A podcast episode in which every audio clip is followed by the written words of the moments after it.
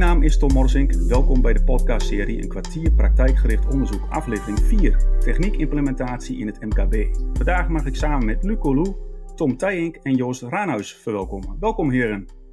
Dankjewel. Dankjewel. Tijdens deze aflevering gaan we het hebben over techniekimplementatie in het MKB. Maar voordat we dat doen, Tom en Joost, zouden jullie zelf even kunnen introduceren?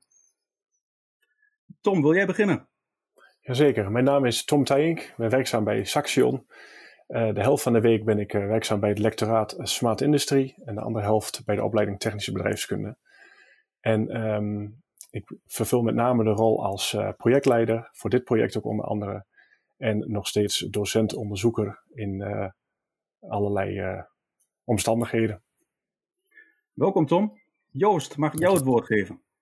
Ja, ik ben Joost Raanhuis, operations manager bij uh, Electromag in Hengelo. Uh, daar nu zeven jaar werkzaam. Ik heb een finance achtergrond. Sinds twee jaar de omschakeling gemaakt naar, naar de operationele kant.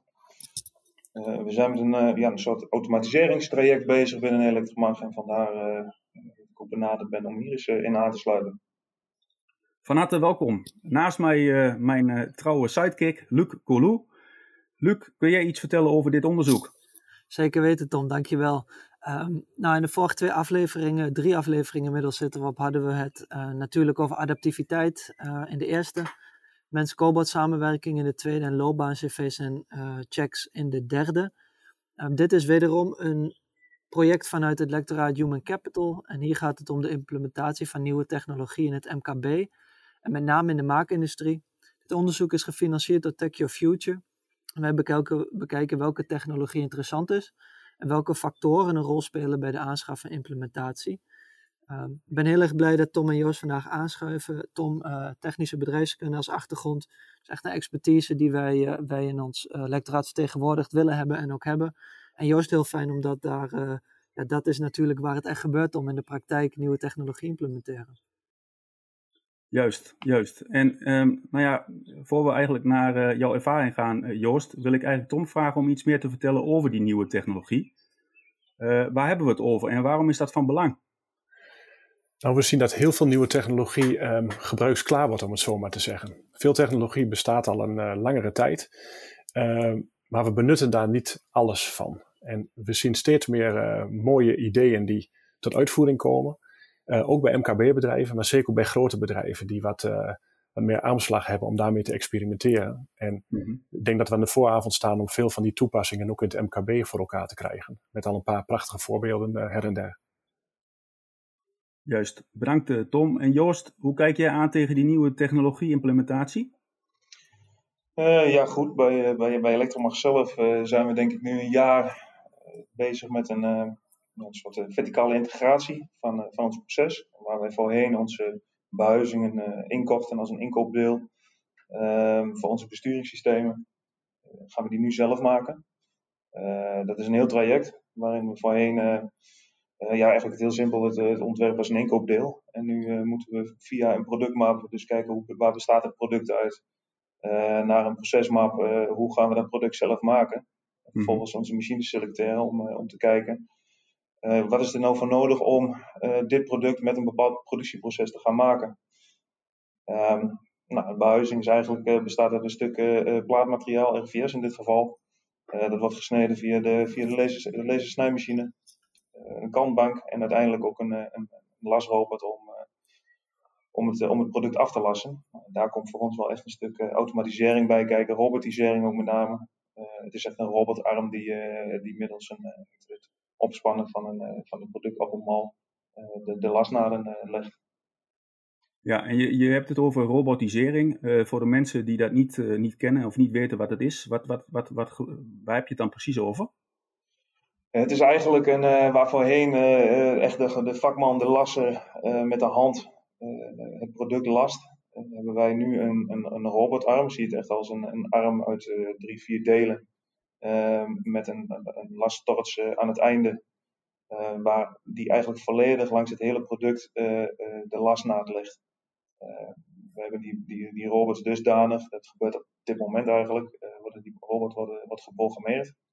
En die, die, die tast automatisch aan waar staat mijn product, hoe groot is mijn product en welke lasnaden moet ik, moet ik lassen. Mm om tot een mooie en een goed eindproduct te komen. Ja. En het gaat eigenlijk volledig automatisch. automatisch.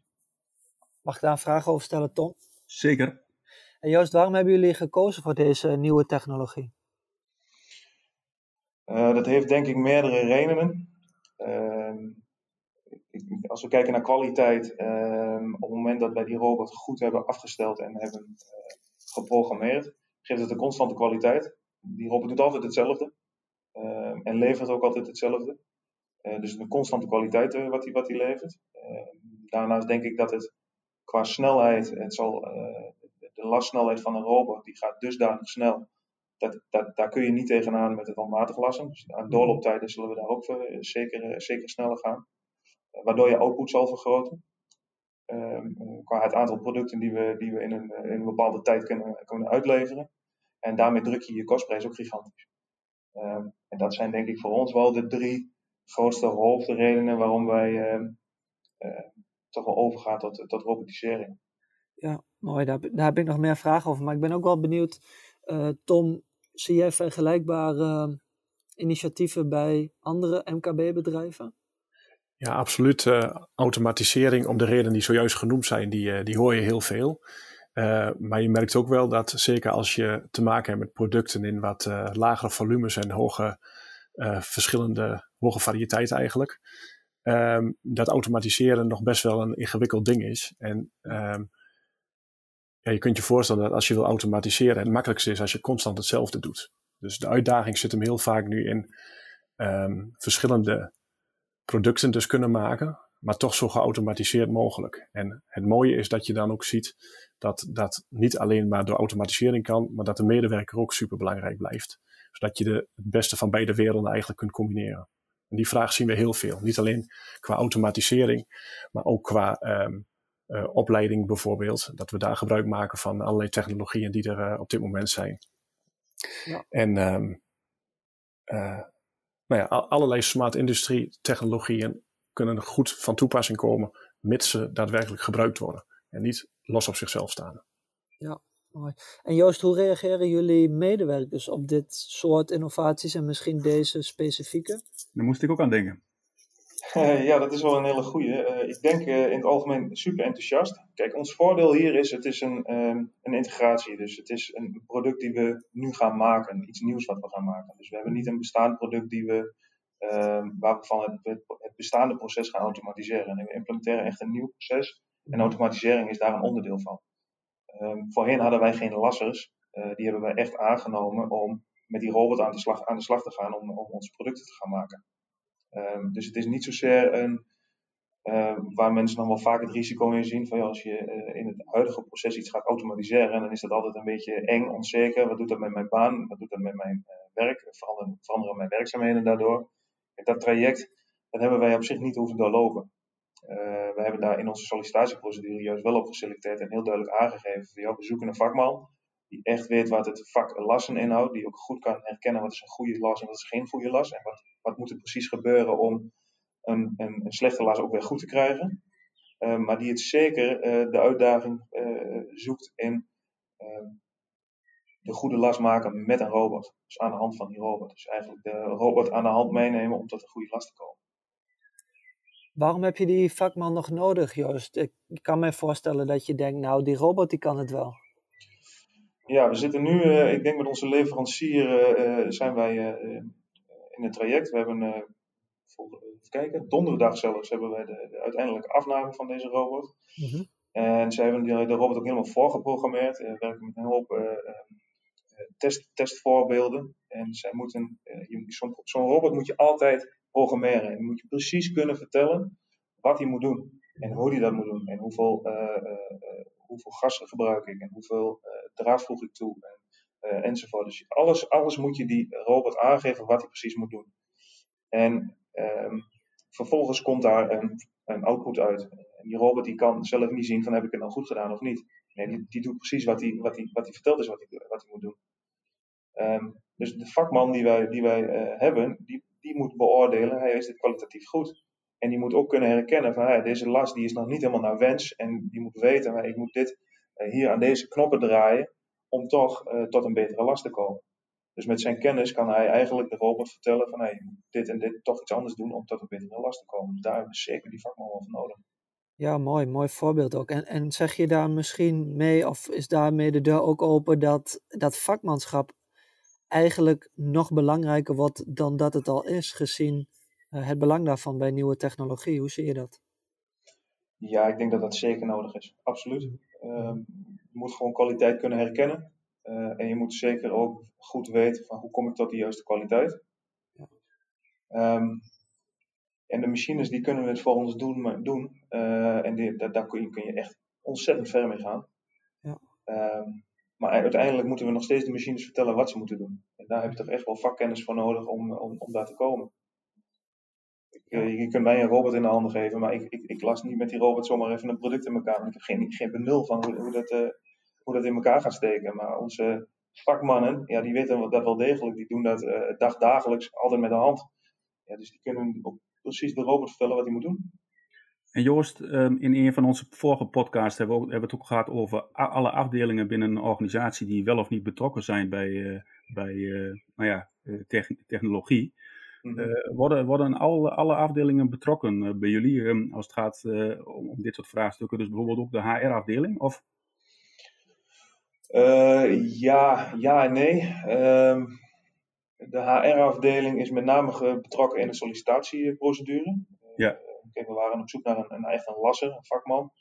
Um, en een stukje procesengineering. Iemand die net iets verder kan denken dan alleen het lassen zelf, maar die ook denkt in het proces van hoe kunnen we nou dingen slimmer, sneller en makkelijker doen.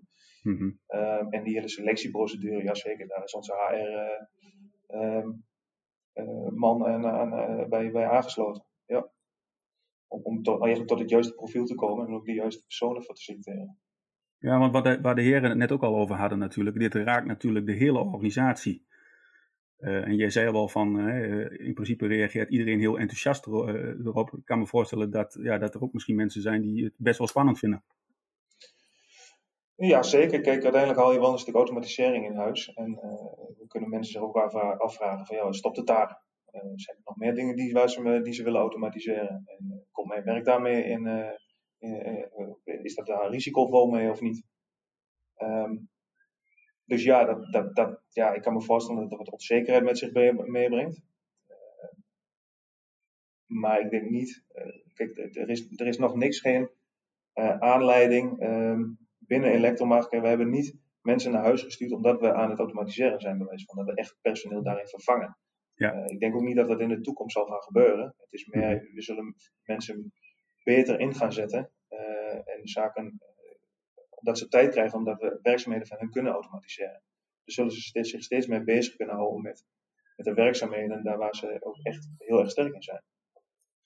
Mooi. En dat levert ja. ons gewoon heel veel efficiëntie op en productiviteit.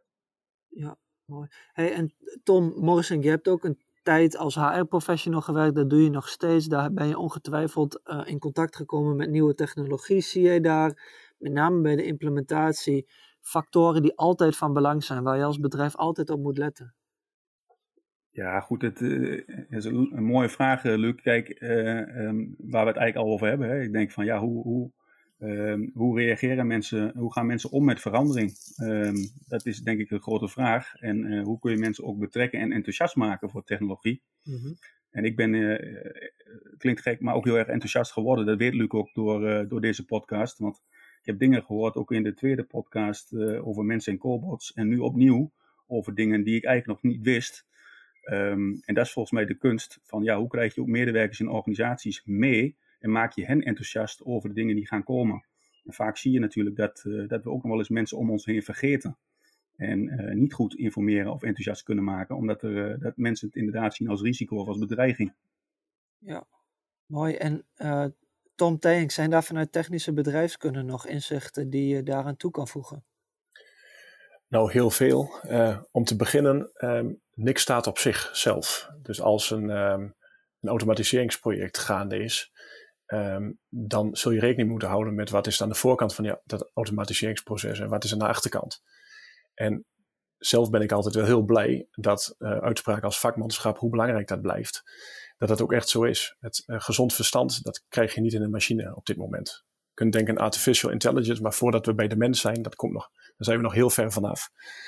Um, en we zien dus dat het, um, um, het hele proces soms uh, anders wordt ingericht. Met allerlei kansen die het voorheen niet, niet waren. Dus qua processen en systemen in die kant, aan die kant van uh, technische bedrijfskunde zeker. Maar wat misschien nog wel interessanter is voor menig MKB-bedrijf is ook de business case, zoals het vaak genoemd wordt. Levert het uiteindelijk wel genoeg op? Nou, als je dus de twee combineert, dus de techniek met de mens, dan uh, kan dat zeker genoeg opleveren. Omdat nu de technologieën dus laagdrempeliger en goedkoper worden, um, merk je dat allerlei um, mogelijkheden die er eerst niet waren, nu ineens binnen handbereik zijn. Dus uh, het als geheel zien is uh, volgens mij een hele mooie toegevoegde waarde op dit moment. Ja. Ja. mooi. Dus Tom Morsing zegt, zorg ervoor dat je mensen enthousiast maakt. Tom Tijing zegt, zie het als een geheel van iets groter. En, stel nou, hè, Joost, dat een MKB-collega van jou bij je komt en die zegt, ik heb de podcast geluisterd en jullie zijn al verder dan wij. Ik vind het heel leuk wat jullie doen. Waar moet ik nou op letten of waar moet ik beginnen? Wat zou je dan zeggen? Uh, ja, dat is een goede. Kijk, uiteindelijk is een, uh, is een, goede projectstructuur en implementatiestructuur gewoon ongelooflijk belangrijk. Uh, in dit geval was de basis leggen voor ons project essentieel en dat is gewoon je product kennen. Waar bestaat mijn product uit? weten met welk proces je nodig hebt om dat product te kunnen maken. En daar een hele goede selectie op doen van hoe kunnen we, dat, hoe kunnen we daartoe komen? Welke machines hebben we nodig om om tot dit product te komen in een bepaald proces. En realiseren we daar de juiste output mee, die we moeten realiseren, tegen een kostprijs die acceptabel is. Um, en, en, dus je maakt eigenlijk je business case op van, joh, uh, verdien ik mijn investering, verdien ik die op een, in een goed termijn, vind ik die terug. en je zult zien, op het moment dat er een hoge mate van automatisering in zit, ja, dan, dan, dan, dan, schiet de, de terugverdienperiode, de, de tijd schiet, die schiet echt omlaag. Ja, mooi, dankjewel. En zie jij, Jos, zie jij nog um, uh, veranderende eisen en of eigenschappen aan medewerkers die met die nieuwe technologie werken? Uh, ja, ik denk zelf, uh, de meest belangrijke is dat, dat men open staat om die nieuwe technologie, technologie eigen te maken. Kijk, we hebben echt, de, we hebben twee mannen in, in dienst genomen die nul ervaring hadden met een, met een robot. Ja. Um, maar ze stonden er wel voor open en werden er wel heel enthousiast van om juist met lasrobots aan de slag te gaan. En om juist processen meer te gaan uh, automatiseren. Kijk, en als je er al voor open staat en je bent uh, enigszins wat leergierig, uh, ja. dan kun je alles leren. dus die jongens die zijn ook op trainingen gegaan. die hebben met een lasrobot gewerkt. op het moment, volgende week wordt de lasrobot hier geïnstalleerd. daar aansluitend zit een hele week ja, implementatietraining. Hoe ga ik met onze ja. robot om? Hoe is die geprogrammeerd? Hoe kan ik hem fine-tunen? Want ja, zij hebben hem voorgeprogrammeerd, maar dat betekent nog zeker niet dat er een, eh, een fantastisch product uh, uitrolt. Daar, ja. daar, moeten die, de, de, mannen die ermee gaan werken, die moeten dat uh, ja, fine-tunen. En nog even aan een aantal knoppen draaien om die lasrobot echt gewoon op de goede manier, op een goede afgestelde manier te laten werken. Ja. En dat, dat moet men leuk vinden. En, daar, en, en, als dat er al is en ze zijn daar enthousiast voor, ja, dan, dan ben je al over de helft. Ja, heel mooi.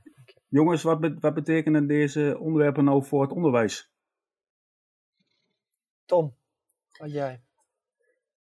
Nou, dat, er, uh, dat enthousiasme, dat is een hele goede die er zojuist genoemd is. Um, als je er open voor staat en denkt van, hé, hey, wat interessant, wat kan dit allemaal uh, uh, betekenen? Dan heb je de, de helft al gewonnen. En Um, we bereiden bijvoorbeeld, uh, net, net al Cobots gezegd, uh, dat is een voorbeeld. Uh, we maken onderwijs samen met de ROC van Twente en ROC Friese Poort. En Saxion maken we onderwijs voor de cobots. Nou, dat kan voor andere technologieën kan dat ook prima. Dus we zullen dat samen moeten, mee moeten beginnen. En dat begint vaak eenvoudig en klein. maar al die ervaringen die je vanaf het begin opdoet, dat, um, dat verdient zich terug aan het eind. Dus af en toe is het wat een lange adem hebben voor dat soort technologieën. Maar er komt een kantelpunt en als je dan al uh, die ervaringen hebt opgedaan, dan is dat een groot voordeel. En de studenten van nu die uh, doen die ervaringen op en uh, zijn super snel en leergierig. Dus um, daar komt wel heel veel kennis de schoolbanken uit, die in het bedrijfsleven ook verwacht dat er allerlei nieuwe technologieën zijn. Ja, Oh, Tom, mijn, mijn antwoord zou zijn, en ik denk dat dat voor een groot gedeelte al heel goed gaat, maar dat het onderwijs juist de plek is waar je kan experimenteren met nieuwe technologie. Ja. Waar je dingen neer kan zetten waar eh, op elk niveau, MBO, HBO, WO, mensen aan de slag kunnen met nieuwe dingen. mhm. En daarnaast moet je als onderwijsprogramma, wat mij betreft, die nieuwsgierigheid heel erg eh, ja, aansporen en mensen enthousiast maken om ook dingen, nieuwe dingen te proberen. Ik snap dat dat soms lastig is in bestaande curriculum Mhm. Van, eh, van scholen, maar ik denk dat dat een van de belangrijkste dingen is die wij eh, als scholengemeenschap, als onderwijscommunity doen. Misschien nog leuk om. eh, eh, sorry dat ik door je heen ga, Tom. Eh, misschien nog leuk om te, om te zeggen. Je ziet ook veel studenten die eh, eigenlijk wel willen leren een innovatieproject. Hoe, eh, hoe doe ik dat nou? Daar is ook een, eh, een, een MINO voor bijvoorbeeld, een MINO Technologie Innovatieprojecten. En dat sluit wel mooi aan bij wat eh, Joost aangeeft over eh, projectmanagement bij dit soort trajecten. Er zit namelijk heel veel onzekerheid rondomheen. Maar ehm, als je daarmee weet om te gaan en experimenterend verder kunt komen, en nog steeds wel de goede structuren van projectmanagement aanhoudt, dan kun je ook zo'n innovatie in, eh, sneller in goede banen leiden, is onze mening. En dat leren ze op school dus ook aan. Tom en Joost, bedankt eh, voor het delen van jullie expertise en ervaring. Luc, eh, ontzettend interessant opnieuw weer. Of niet? Jij ook bedankt Tom, ik heb genoten op naar de volgende. Luisteraars bedankt. Graag tot de volgende keer.